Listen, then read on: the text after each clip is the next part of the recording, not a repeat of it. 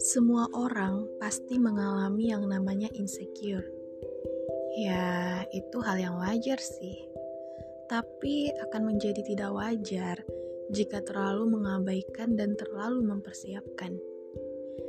Gak ada yang salah perihal cemas yang berlebihan atau menutup diri karena mengalahkan suatu hal yang membuat kamu tidak nyaman. Yang terpenting, jika hal itu terjadi, kamu harus lebih mencintai diri kamu sendiri. Jangan sampai sibuk untuk melakukan apa yang orang luar katakan. Cukup jadi diri sendiri dan love yourself. Gini, perlu diingat bahwa manusia mana pun tidak akan memiliki rasa puas. Begitu pula orang yang mengeluarkan kata-kata yang membuatmu tidak nyaman.